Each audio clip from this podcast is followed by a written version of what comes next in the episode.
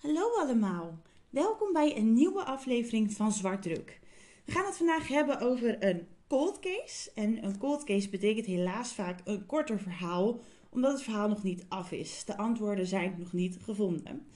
En toch is deze cold case van vandaag een beetje extra bijzonder voor ons, omdat een van de medezwartdrukkers, die heeft hier heel dichtbij gestaan. Ook helaas kan ik wel zeggen, ik kan me niet voorstellen hoe het voelt, want ik heb het niet zelf meegemaakt. Maar ik kan me wel voorstellen dat zoiets niet in de koude kleren is gaan zitten. de zaak van vandaag, daar is ook niet heel veel informatie over te vinden. Dus heel veel details zijn ook echt wel gebaseerd op wat uh, deze medezwartdrukker heeft verteld. En ik wil deze luisteraar dan ook via deze weg nogmaals bedanken voor de communicatie, voor het duidelijke verhaal en natuurlijk ook gewoon voor het vertrouwen dat je hebt om dat zomaar met mij te delen. Want het is toch best wel heel heftig. Even zonder naam en toenaam vandaag, maar voor de persoon in kwestie kan het natuurlijk niet missen. Dat gezegd hebben, dan gaan we beginnen en dat doen we op zondag 6 september 1992. Onze medezwartdrukker is die dag al vroeg op pad om een vriendin in Amsterdam te bezoeken. Natuurlijk is er geen parkeerplekje voor de deur, dus wordt er gezocht naar een ander plekje en daarvoor wordt deels langs de Lauriergracht gereden. Even over die gracht, die ligt dus in Amsterdam in de wijk de Jordaan. En het is ook hier weer precies zoals je het verwacht. Zoals je het in de serie ziet. Het is natuurlijk een watertje met hoge kades. En dan van die mooie, wat oudere huizen erlangs. Het is een prachtig gezicht en het zo op een puzzeltje. Maar goed, zondagochtend dus op zoek naar dat parkeerplekje. En tijdens het rijden ziet onze medezwartdrukker in de gracht een blauwe tas drijven. Dat is zo'n plastic tas van de Albert Heijn. En die tas die is niet leeg. Er lijkt iets in te zitten. En het heeft de grootte van een bal, maar een bal is volledig rond en egaal en drijft echt wat op het water.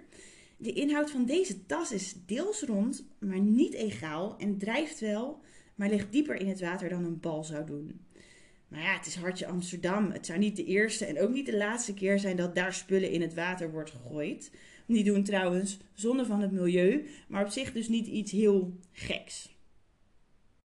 Ondertussen zijn we nog steeds op zoek naar dat parkeerplekje. En eindelijk is er eentje in zicht. In de buurt van die gracht naast een boom. En bij die boom stond iets wat leek op een koffer. Maar ja, Hartje Amsterdam. Het zal dus niet de eerste en ook niet de laatste keer zijn dat daar spullen op straat worden geknikkerd. Goed, parkeerplek gevonden, check. Het is alleen nog wat vroeg om al aan te bellen voor de afspraak. Dus besluit onze medezwartdrukker nog even een wandeling te maken. En die wandeling duurt ongeveer een uur. En als het bijna tijd is voor de afspraak, komt de luistercollega weer teruggelopen. Maar het is aan de gracht niet zo rustig als dat het een uur daarvoor was. Een deel van die gracht is namelijk afgezet met lint. Onder andere ter hoogte van de auto van de medezwartdrukker. En als die naar de auto wil lopen, dan wordt dat verhinderd. En als reden wordt gegeven, er zijn lichaamsdelen gevonden. Haal je auto morgen maar op. Ja, dan schrik je je wel even het leplazerus, denk ik zo. Er worden verder geen vragen gesteld aan deze luisteraar, maar de politie start wel een onderzoek. En het volgende lijkt er aan de hand te zijn. In de Lauriergracht, maar ook de Prinsengracht en de Egelantiergracht, daar zijn lichaamsdelen gevonden. En al deze grachten zijn op maximaal 6 minuten rijden van elkaar. En ik weet niet of ze elkaar overlopen, maar ze grenzen in ieder geval wel aan elkaar eerste lichaamsdelen zijn gevonden op 6 september. Het schijnt dat in de dagen daarna, dus tussen 6 en 10 september, nog meer wordt gevonden. Waarschijnlijk door een uitgebreider onderzoek. Hè. Er zijn natuurlijk duikers ingeschakeld. Um, maar na een poosje heeft de politie dus het volgende, gruwelijk om te zeggen zo, maar het, volgende verzameld. Een koffer, grijs-blauw. Uh, niet zo'n koffer met een hardcase, maar meer, het lijkt van de foto in ieder geval meer wat leer. Er is een romp gevonden, of in ieder geval een deel van de romp. Sowieso het gedeelte van de buik. Er zijn handen gevonden zonder vingertoppen en er zijn voeten gevonden zonder tenen. Op basis hiervan weet de politie het volgende beeld te schetsen. Het zou weer gaan om een vrouw van tussen de 25 en de 45 jaar oud, met een normaal tot gezet postuur, tussen de 1,60 en 1,70 lang en met schoenmaat 37 tot 37,5. Deze dame had waarschijnlijk golvend donkerblond haar dat recent gebleekt was. En wat opviel was dat er geen baarmoeder aanwezig was. En er was wel een litteken op de buik te zien. Of het een met het ander te maken heeft, dat weet ik niet. Maar dit zijn de feiten die de politie opsomt.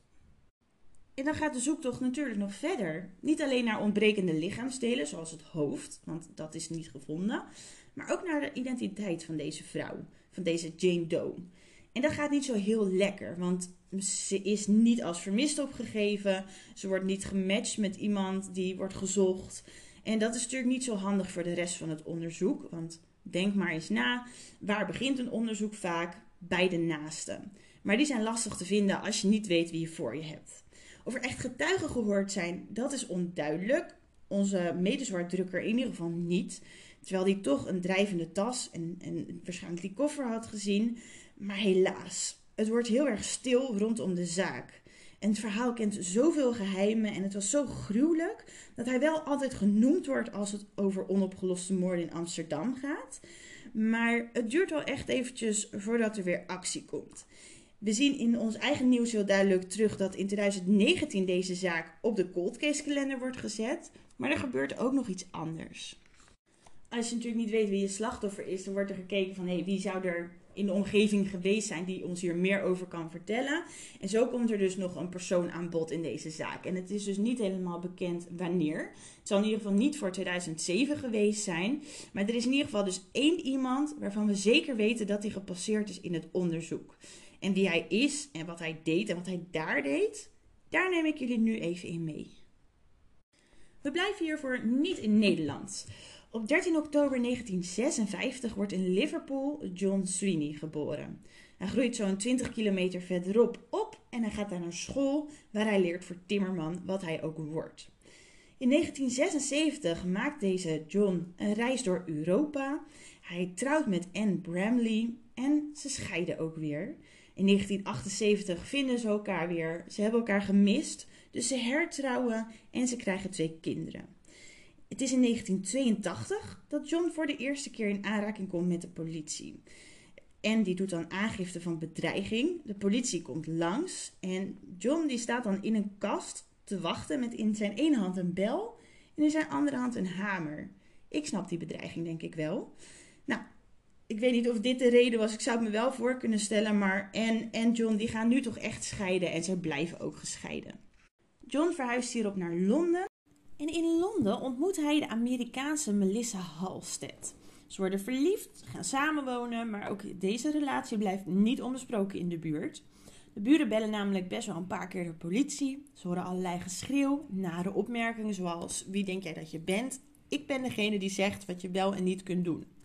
In 1987 staat dan de eerste keer geregistreerd dat hij echt lichamelijk geweld zou hebben gebruikt. Zo zou hij Melissa met een kruk in haar gezicht hebben geslagen en hij moet daarom een boete betalen. Eind 87 moet hij opnieuw een boete betalen, want hij heeft dan tegen haar benen geschopt. En je kan je voorstellen dat dat niet zachtjes is gegaan.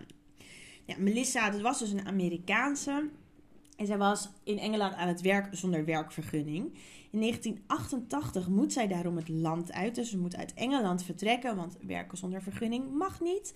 Dus zij vertrekt naar Oostenrijk. Nou zou je kunnen denken, mooi, dan is ze in ieder geval van die vent af. Maar John die reist haar gewoon achterna. Hij breekt bij haar in. Hij bindt haar huisgenoot vast, zodat hij kan zoeken naar informatie over een minnaar. Want hij is ervan overtuigd dat Melissa vreemd gaat. Vindt hij niet. In 1988 dan Melissa ja, is hem wel echt zat. Ze wil graag dat hij vertrekt en ze haalt hem over om naar Amsterdam te gaan. Hij is best wel reislustig, dus Amsterdam, misschien was hij er nog niet geweest. Uh, leek het hem een mooie stad, maar ze weet hem over te halen. Ze koopt zelfs kaartjes voor hem om te, om te kunnen reizen.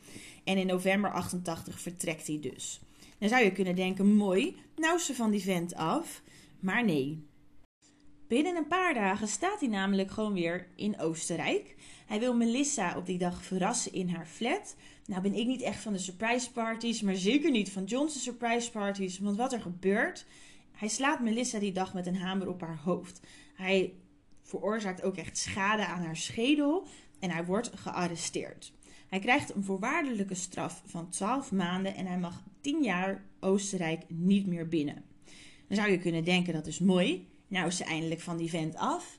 Maar nee, want in 1989, in maart, vertrekken Melissa en John samen naar Duitsland om vanuit daar naar Amsterdam te vertrekken. John die gaat daar aan de slag als timmerman en Melissa was dus model, dus het zou kunnen. Amsterdam stond best wel bekend als de stad van ja, het, het leven, het ontdekken. Dus misschien dat dat is wat haar daarin aantrok.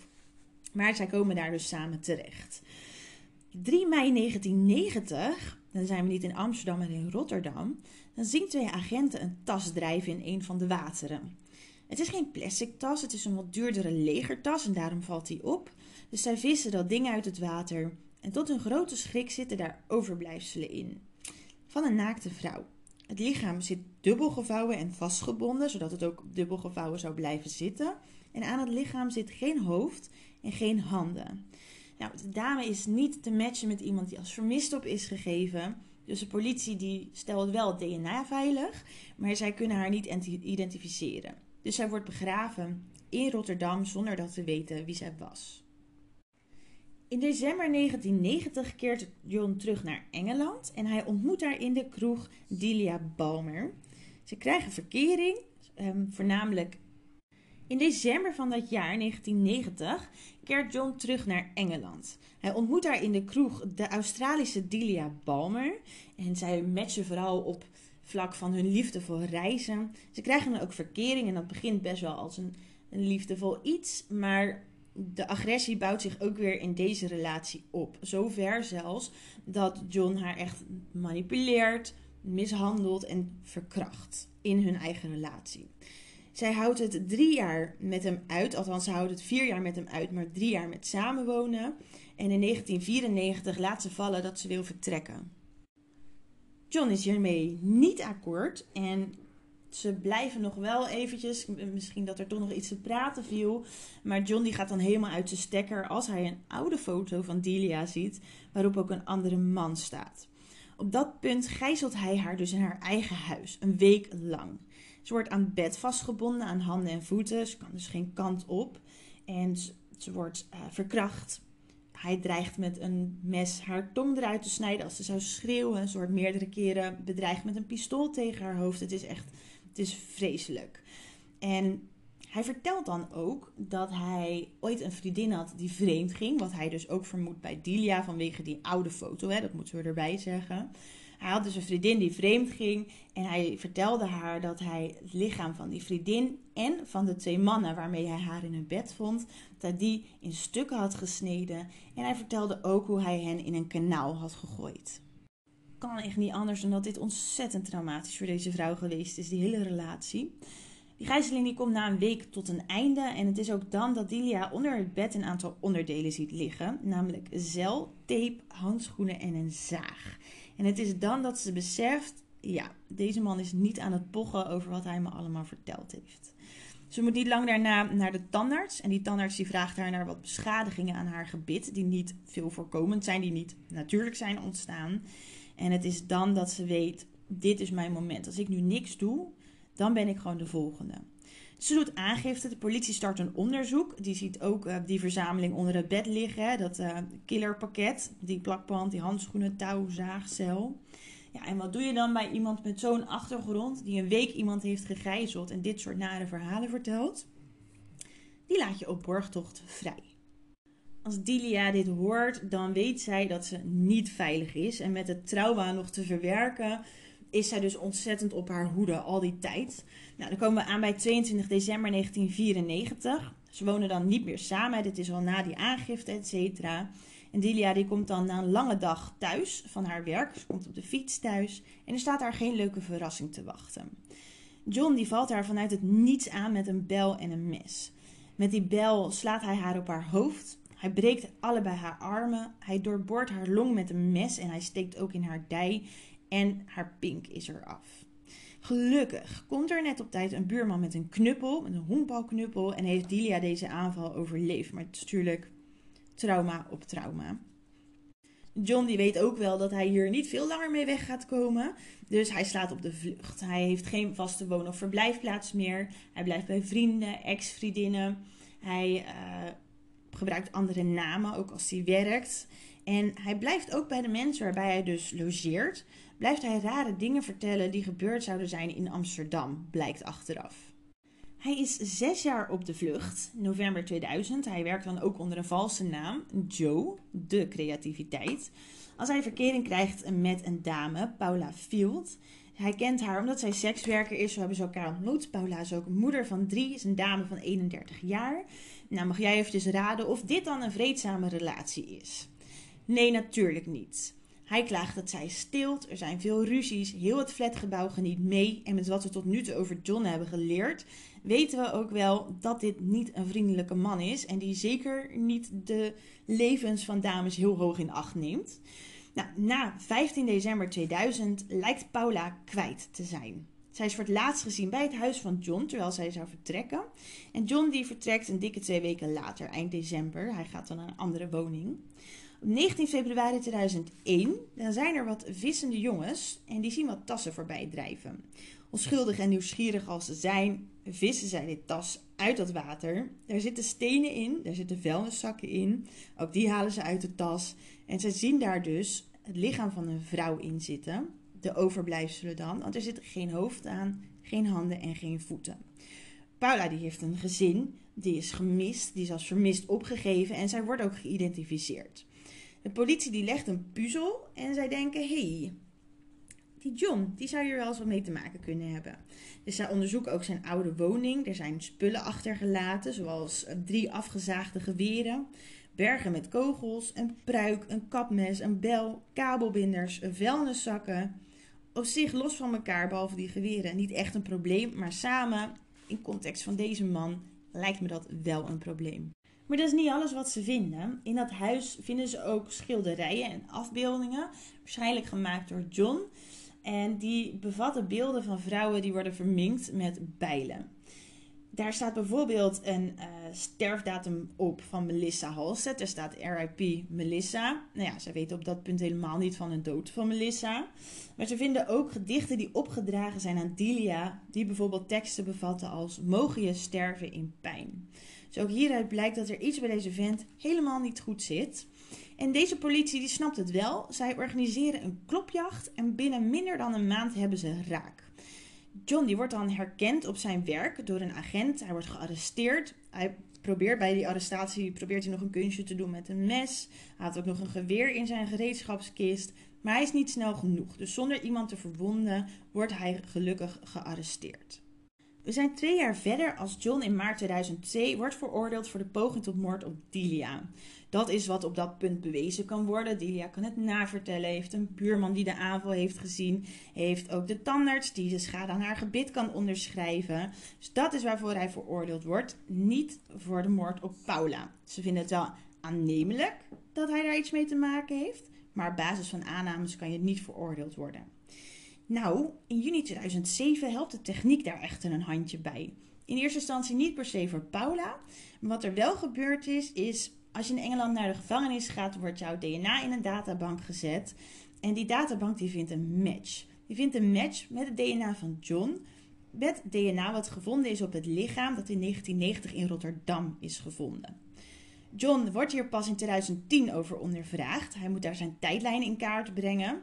En op basis daarvan, die schilderijen, wat hij vertelt, wordt hij dus niet alleen beschuldigd op de poging tot moord op Delia. Daarvoor zit hij zijn straf al uit. Maar ook voor de moord op Melissa, het lichaam dat in Rotterdam is gevonden. En de moord op Paula. Nou zijn er nog drie andere vriendinnen van John die spoorloos verdwenen zijn, die nooit gevonden zijn. Dus het is wel aannemelijk dat hij nog meer op zijn geweten heeft. Maar in 2011 wordt hij in ieder geval voor deze zaken twee keer tot levenslang veroordeeld en krijgt hij de naam de Scalp Hunter en de Canal Murderer. Hij staat ook op de lijst inmiddels van mensen die nooit meer vrijgelaten mogen worden. Nou, voor de oplettende luisteraar, er is dus niet een hele duidelijke tijdlijn die bewijst dat hij op het punt van de moord van de Lauriergracht ook in Amsterdam was. Maar we weten ook niet waar hij toen wel was. Dus hij kan ook niet per se uitgesloten worden. De modus operandi komt natuurlijk behoorlijk overeen. Hè? Het geweld en het verwijderen van lichaamsdelen. Dat is iets wat we het hele verhaal doorhoren. En het cold case team in Nederland neemt John ook zeker mee in dit onderzoek. Wat eruit komt en of we dat ooit gaan weten, dat weten we er nu dus niet. Die link tussen hun is in ieder geval best wel redelijk lang bekend. Hè? Want in 2007 is hij al in Nederland geplaatst. Nou, de uitkomst, ja, ik heb het in ieder geval niet kunnen vinden. Dit is wel de enige concrete naam in de Lauriergrachtmoord. Helaas niet de naam van de slachtoffer, die veel belangrijker is als het hele John Sweeney gedoe. Maar het is vooral heel verdrietig dat iemand niet gemist wordt. Of dat een gezin haar wel mist, maar altijd zonder antwoorden blijft zitten. Dat is, uh, dat is heel verdrietig. Mocht je nog afvragen van, hé, hey, hoe zat het dan met die uh, tas die in het water dreef en met die koffer die de medezorgdrukker had gezien? Nou, die heeft destijds na een aantal jaar contact opgenomen met het tiplijn. En ook recent nog contact gehad met het cold case team. En er volgens mij dus ook alles aan gedaan wat je kan doen. Juist ook omdat er niet actief vanuit de politie naar gevraagd is. Wat, wat best wel raar is. Dus ik denk dat het ontzettend heldhaftig is dat je daar na zoveel jaar toch nog achteraan gaat. Ja, en ik denk niet dat wij Mm, hoe graag we ook zouden willen, denk ik, een onopgeloste moord gaan oplossen. Ik denk ook niet dat wij bij iedereen moeten lobbyen van, hey, mist in jouw familie iemand met golvend donkerblond haar? Maar ik denk wel dat het altijd goed is om dit soort zaken ergens in je achterhoofd te parkeren. En alert te zijn op, nou, wie weet wat je ergens in je leven nog tegen gaat komen.